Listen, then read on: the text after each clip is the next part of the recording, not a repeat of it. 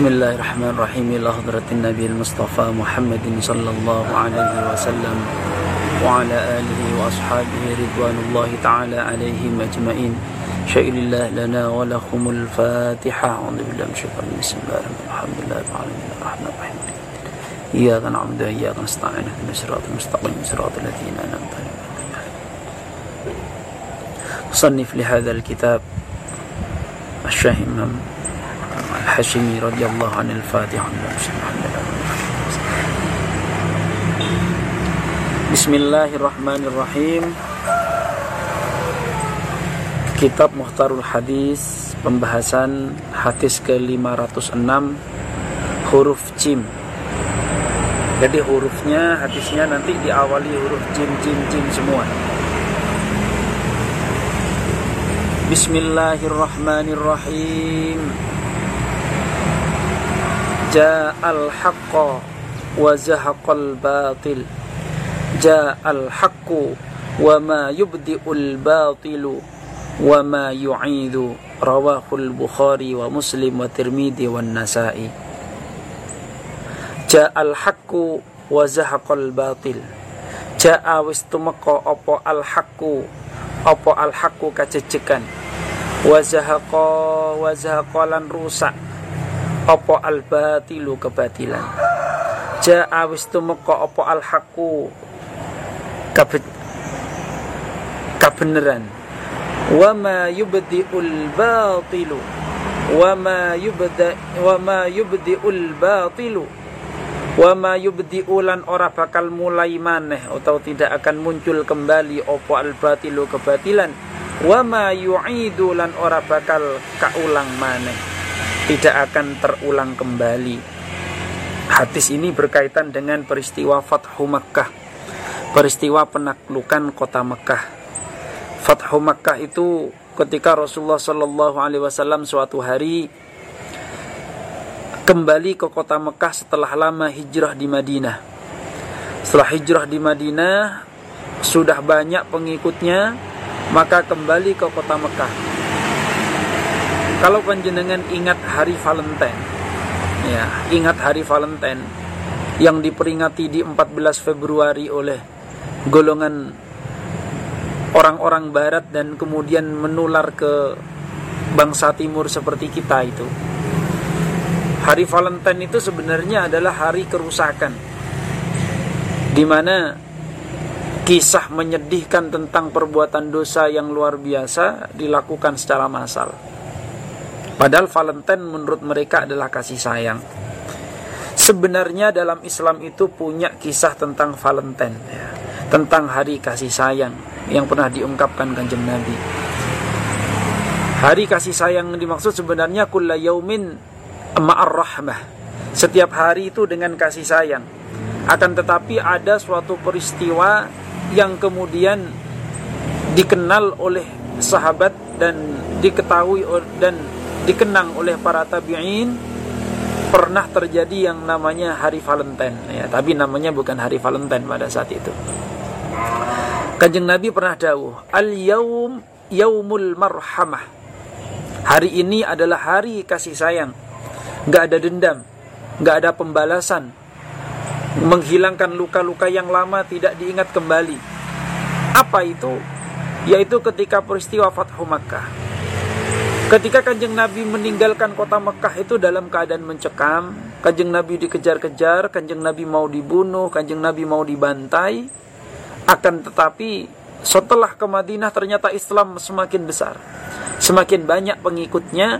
Setelah banyak pengikutnya, Kanjeng Nabi kembali ke Mekah sebenarnya bukan dalam rangka perang. Tapi orang-orang yang dulu mengejar-ngejar Nabi yang memusuhi Kanjeng Nabi itu pada ketakutan di Mekah. Mereka khawatir dengan saling mengeluarkan desas-desus, oh pasukan Muhammad sudah akan datang, akan masuk ke Mekah pasukan Muhammad akan menghabisi kita sekarang. Habislah kita sekarang. Kita tidak mampu menghadapi Muhammad saat ini. Pengikutnya luar biasa, orang-orang besar di sana, pasukannya banyak. Padahal kanjeng Nabi ke kota Mekah sebenarnya bukan untuk balas dendam. Maka kemudian datang di antara mereka utusan-utusan mereka bertanya apa yang akan dilakukan oleh kanjeng Nabi pada saat itu. Mereka pada sembunyi tidak keluar. Kemudian kanjeng Nabi mengumpulkan pasukannya, mengumpulkan kaum hijrahnya itu bersama-sama di situ untuk memberikan kabar kepada seluruh penduduk Makkah dengan mengatakan al-yaum yaumul marhamah hari ini adalah hari kasih sayang tidak ada dendam kami datang ke sini bukan untuk membalas. Kami datang ke sini bukan untuk berperang. Tapi kami datang ke sini untuk kasih sayang dan untuk beribadah. Karena kanjeng lanjut. Nah ini yang dimaksud ya al haqqa wa batil. Maka setelah kebenaran itu datang, ya kacicekan wistu mekan, maka Mekah semenjak saat itu disumpah oleh kanjeng Nabi, disumpah oleh kanjeng Nabi akan menjadi negara yang benar. Dalam arti akan menjadi pusatnya orang Islam. Sehingga Mekah hingga saat ini, Mekah hingga saat ini dengan berbagai macam kondisi penduduknya, dengan berbagai macam kondisi penduduknya, di sana murni 100% orangnya orang Islam. Nah, ini yang latar belakang hadis ini menyebutkan demikian. Hadis 500 pitu. Jalisul kubara jalisu padha lelungguhan sira al kubara'a sertane wong kang podo gede artinya gede yang dimaksud orang-orang besar orang-orang hebat yang dimaksud lungguo sampean bermajlislah sampean bertemanlah sampean berrelasilah kalian dengan orang-orang besar. Supaya apa? Pemikiranmu yo dadi besar. Lek kumpulanmu bendino karo bajingan mundak pemikirannya sampean suwe-suwe yo melok bajingan. Lek pemikirannya sampean kumpul karo dagang ya suwi-suwi pikiranmu ketularan dagang lek pikiranmu bendino campur karo makelar ya suwi-suwi sampean ya pingin dadi makelar lek suwi, lek kumpulane sampean karo wong tukang mabuk ya suwi-suwi sampean iso-iso melok aku. Nah, makanya teman itu penting. Persahabatan itu penting. Maka fa in kana ya sing taklim dieling-eling kok. Fa in kana dza khairin. Ah fa in kana dza syarrin. Fajannib sur'atan wa in kana dza khairin. Faqarin hutah tadi yen ono konco olo lakoni dang dohono ya. Fa ingka nada syarrin fajannib husuratan. Le ono konco elek lakoni moko dang dohono munda ketularan le dang ditoi wa ingka nada khairin faqarin hutah tadi yen ono konco bagus enggal ndang kancanono kalau ada orang baik ono wong pinter ono wong cerdas wes sampean ngeliputilah dengan mereka sing seneng o konco dei Sek dei seneng opo, yes berusaha untuk mengikuti senengane opo sing ngono Engkok mundak suwe-suwe sampean mundak mundak mundak tambah jadi kebiasaannya sampean melok pinter, melok cerdas. Paling tidak pemikirannya sampean ikut seperti mereka-mereka itu. Makanya di sana Kanjeng Nabi menyarankan jalisul kubara. Lek sampean pingin dadi wong gede ya sampean serawungi karo wong gede. Lek sampean pingin nyalon bupati, ya serawungmu karo politikus. Lek sampean pingin calon pingin nyalon bupati, pingin dadi bupati, ya pingin dadi bupati. Terus serawunge sampean karo wong tukang ngedupete ora kira dadi. Mesti pemikiranmu harus pemikiran-pemikiran besar. Orang yang akan jadi orang besar dia harus berpikir besar dan punya pemikiran-pemikiran besar yang visioner ya yang visioner wasailul ulama wasailul ulama lantakonono al ulama ing ulama ada permasalahan-permasalahanmu tanyalah kepada ahlinya tanyalah kepada orang alim Kalau dikatakan secara umum orang alim itu sekarang fak. Ada banyak fak. Kalau dulu ulama itu ngerti sembarang. Orang mau mantu tekone nang ulama. Uang berselisih di dalam rumah tangga tekone marang ulama.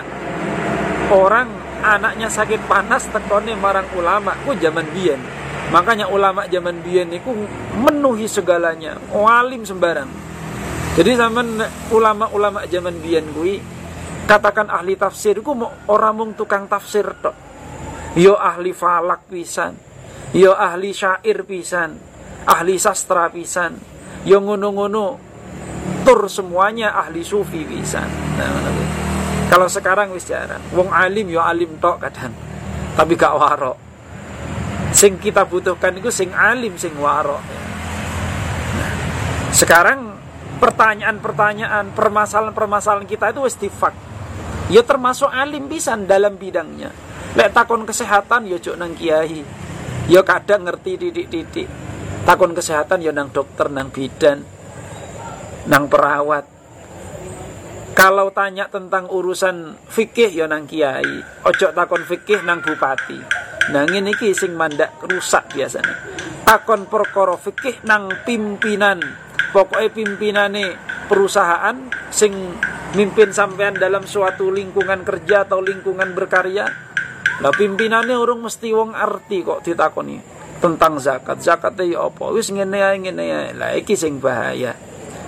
Ketika orang bertanya pada bukan faknya maka yang ditemukan hanyalah kesesatan ya gak sesat saiki sesat meneh. Ya gak sesat saiki sesat meneh. Wa khalitul hukama wa khalitul hukama dan bergaullah kalian al hukama dengan orang-orang yang bijaksana. Ya. ono istilah bijaksana ono bijaksana ono bijak sini bijaksana itu apa? Ya bijaksana itu ya bukan sing sana tok ya sini bisa bijaksana itu adil. Adil terhadap apa? Adil terhadap lingkungan. Adil terhadap waktu. Adil terhadap pembagian, adil terhadap sesama, adil kepada seluruh makhluknya Allah. Itu kutu adil. Itu namanya baru wong ikut tiarani hukama, wong sing bijaksana ya. Rawahu Tabrani radhiyallahu anhu. Jubilatil kulubu ala hubbi Jubilatil kulubu ala hubbi man ahsana ilaiha wa bu'di man asaa ilaiha.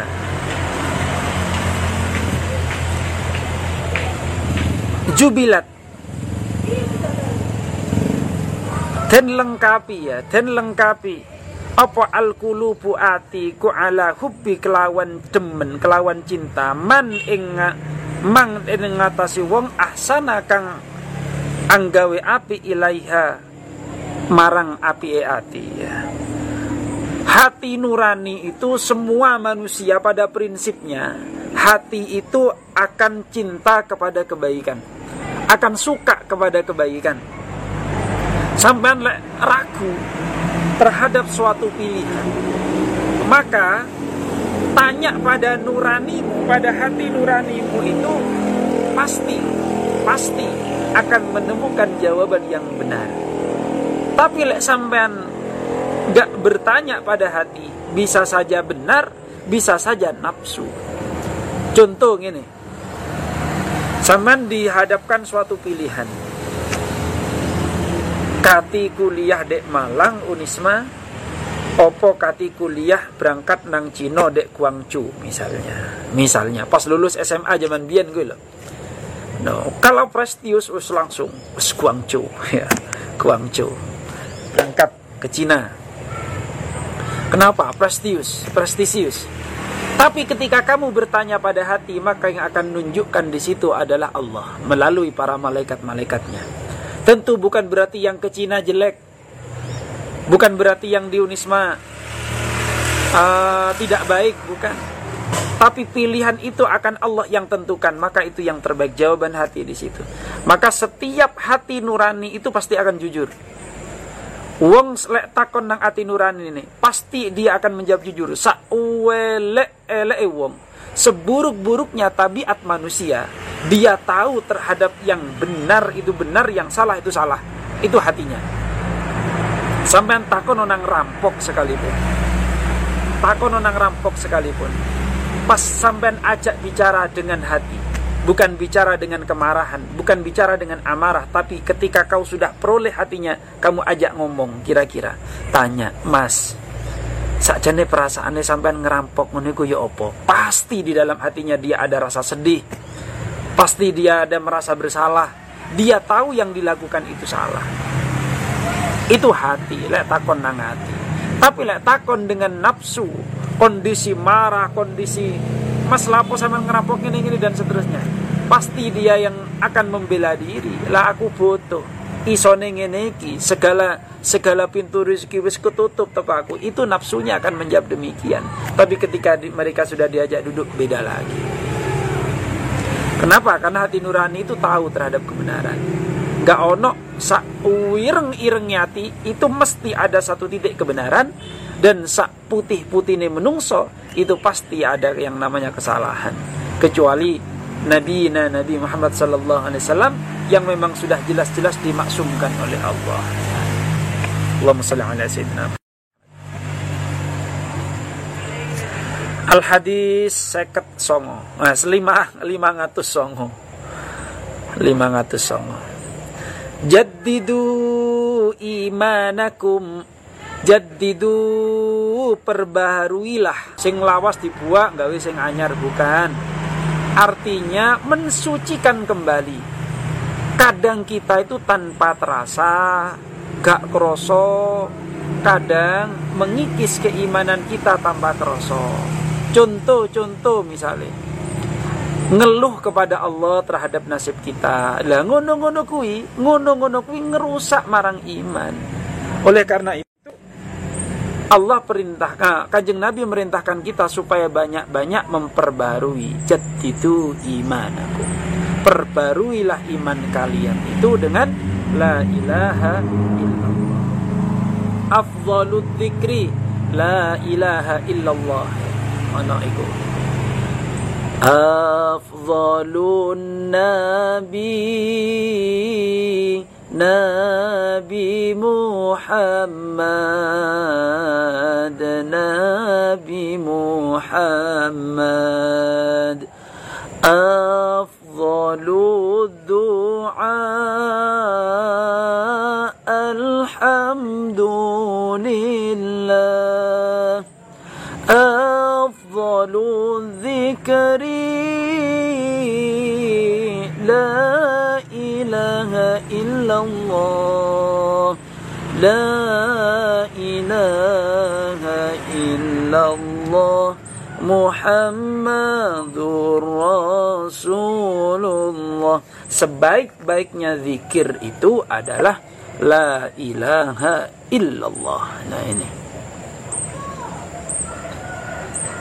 Hadis 510 Hadis 510 Ja'ala anda teakan sopo Allah Allah al hasanata ing kebagusan bi asyri amthaliha kelawan sepuluh sepadane. Setiap satu kebaikan itu dijadikan oleh Allah menjadi pahala kelipatan sepuluh kali lipatnya ya.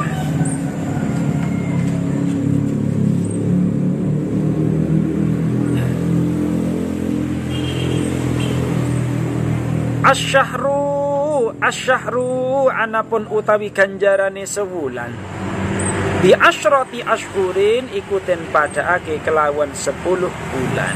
Nah ini kalau kebaikan itu sak wulan dipadakno karo kebaikan sepuluh bulan wasiyamu sittati ayyamin wasiyamu sittati ayyamin wasiyamu anapun utawi poso sitatu ayamin ono enam piro-piro dino ba'da syahri ba'da syahri sa'wisi.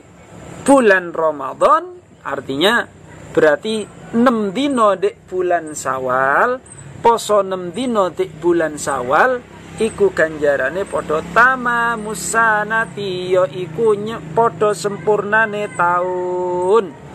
Puasa enam hari di bulan Sawal itu disamakan dengan puasa pahalanya keutamaannya seperti orang yang berpuasa selama satu tahun. Rawahu Abu Syekh an Thauban. Hadis 511 ja'alallahu ma yahruju min nabni Adam mathalan lid dunya. Nah ini ki. Ja'ala date akan sapa Allah Allah ma ing barang yakhruju kang metu mina bani Adam saking anak putune Adam. Kotorane anak Adam kuwi lho. Didadekno perumpamaan. Masalan iku dadi perumpamaan lid dunya kanggone bondo dunya. Bondo dunya iku diperumpamakno sampai-sampai koyo iku. Sampean fesis metu kuwi lho jadi sampean dekek bondo dunya kuwi. Mikir bondo dunya kuwi. Koyok kuwi lho. Koyok mikir ngono ane. Kan gak dipikir. Wayahe tokno ya tokno. Mari ngono ya gak dipikir, gak getun, ilang ya gak getun. Sampean urusan dunia ya dekek seperti itu. Allah yang kasih waktunya dikeluarkan ya keluarkan. Setelah dikeluarkan gak usah dipikir maneh. Prinsip ikhlas iku ngono. Nah, aku duwe duwe kata-kata sing rada uwelek tapi man, mancep apa ku? Sampean lek pingin roh wong ikhlas ya. Pingin roh wong ikhlas kaya wong mak ngapun dan bahasaku rada elek. Kaya wong ngising wis kuwi ikhlas. Lek sampean sedekah wis prinsipmu kaya wong ngising wis lah. Apa kuwi? Wong ngising mari duwe kek ya wis. Siram ya wis gak digoleki gak guwetun perkara isi ngilang ngono ora. Nah sampean sedekah. Sedekah wis sedekah engkekno ya wis gak usah mbok waca-waca maneh sedekah kuwi. Sedekah ya wis ngono wis ikhlasno wis sing lalu wis lalu. Kebahagiaan wong liya sedekah itu pada prinsipnya ya bisa saja lewat dirimu tapi itu ancene rezekine wong liya. Maka sebenarnya beruntunglah, bersyukurlah kalian ketika Allah titipkan melalui tangan-tangan kita ada riziki orang lain. Artinya apa? Sampai termasuk orang-orang min insanil mukhtari Saking wong kang den pilih kalian Allah. Dipilih apa? Dipilih untuk menjadi perantara rizkinya orang. Bersyukur. Bersyukur. Berarti iso amanah iso sedekah itu sakjane untuk rezekimu. Iku anjene anjene rezekine Gusti. Rezekine wong sing sampean sedekahi tapi melalui tangan kalian. Ketika kita diliwati dilewati rezekinya orang dari tangan kita itu artinya Allah sedang memberi kita pahala. Nah pada prinsipnya demikian. Kemuka tidak والله أعلم بالصواب الفاتحة. أعوذ بالله من الشيطان. بسم الله. الرحمن الرحيم. مالك يوم الدين. إياك نعبد وإياك نستعين. اهدنا الصراط المستقيم. صراط الذين أنعمت عليهم غير المغضوب عليهم ولا الضالين. آمين. لي خمسة أطفي بها. الرا وباء الحاتمة. لي خمسة أطفي بها wa ba'il hatimah المصطفى والمرتضى المصطفى والمرتضى وابناهما والفاطمة وابناهما والفاطمة لي خمسة أدفي بها الرا وباء الحاتمة لي خمسة أطفي بها الرا وباء الحاتمة المصطفى والمرتضى المصطفى والمرتضى وابناهما والفاتمة وابناهما والفاتمة. والسلام عليكم ورحمة الله وبركاته.